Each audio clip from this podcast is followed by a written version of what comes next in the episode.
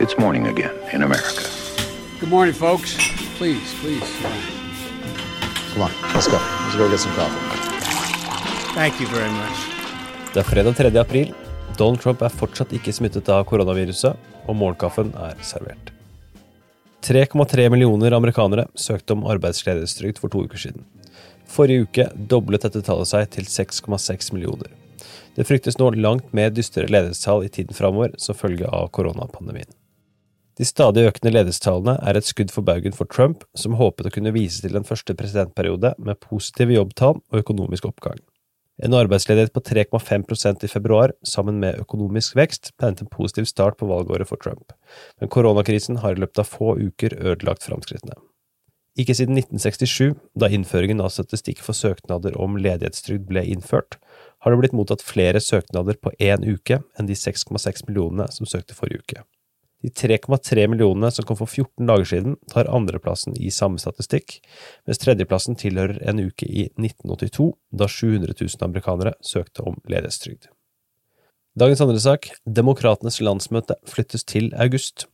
Demokratenes landsmøte i Milwaukee, Wisconsin, som opprinnelig skulle gått av stabelen i tidsrommet fra 13. til 16. juli, har nå blitt flyttet til 17. august. So ahead by about a month. Uh, this is something that we had kind of seen foreshadowed by former Vice President Joe Biden, who is leading in the delegate race right now. He has said over the last couple of days that he could foresee uh, perhaps the convention moving into August. And now, in fact, we are learning that is what's happening. Uh, as you mentioned, just one example of the ripple effect. Hvordan landsmøtet vil avholdes, er fortsatt et ubesvart spørsmål. Det skal ha vært snakk om å arrangere det virtuelt, men det skal være i alles interesse å avholde et fysisk, om enn noe nedjustert, landsmøte i Milwaukee. Partiet ønsker visstnok ikke å avholde en stor fest midt i en nasjonal økonomisk nedgangstid, forståelig nok, og dette ble bekreftet av en ansatt i Demokratenes nasjonale komité torsdag kveld. Republikanernes landsmøte skal imidlertid arrangeres fra 24. til 27. august i Charlotte, North Carolina. På torsdag kom det en oppdatering fra Larry Sabatos Crystal Ball om de kommende valgene i november. Nyhetsbrevet sendes fra University of Virginia Center for Politics, og selv om koronapandemien ikke har endret det politiske landskapet radikalt, så viser likevel de siste endringene en fordel til demokratene. For presidentvalgets del er det tre delstater som har endret status i den siste oppdateringen.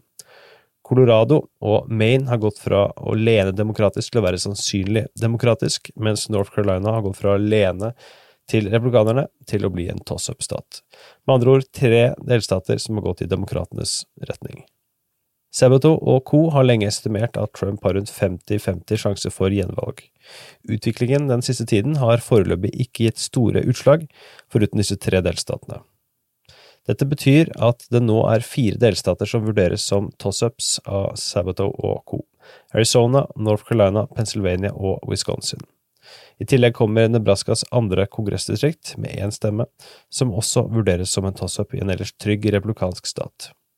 Samlet sett så gir denne opptellingen 248 valgmenn til demokratene, 233 til republikanerne, mens 57 valgmenn fremdeles er toss-ups.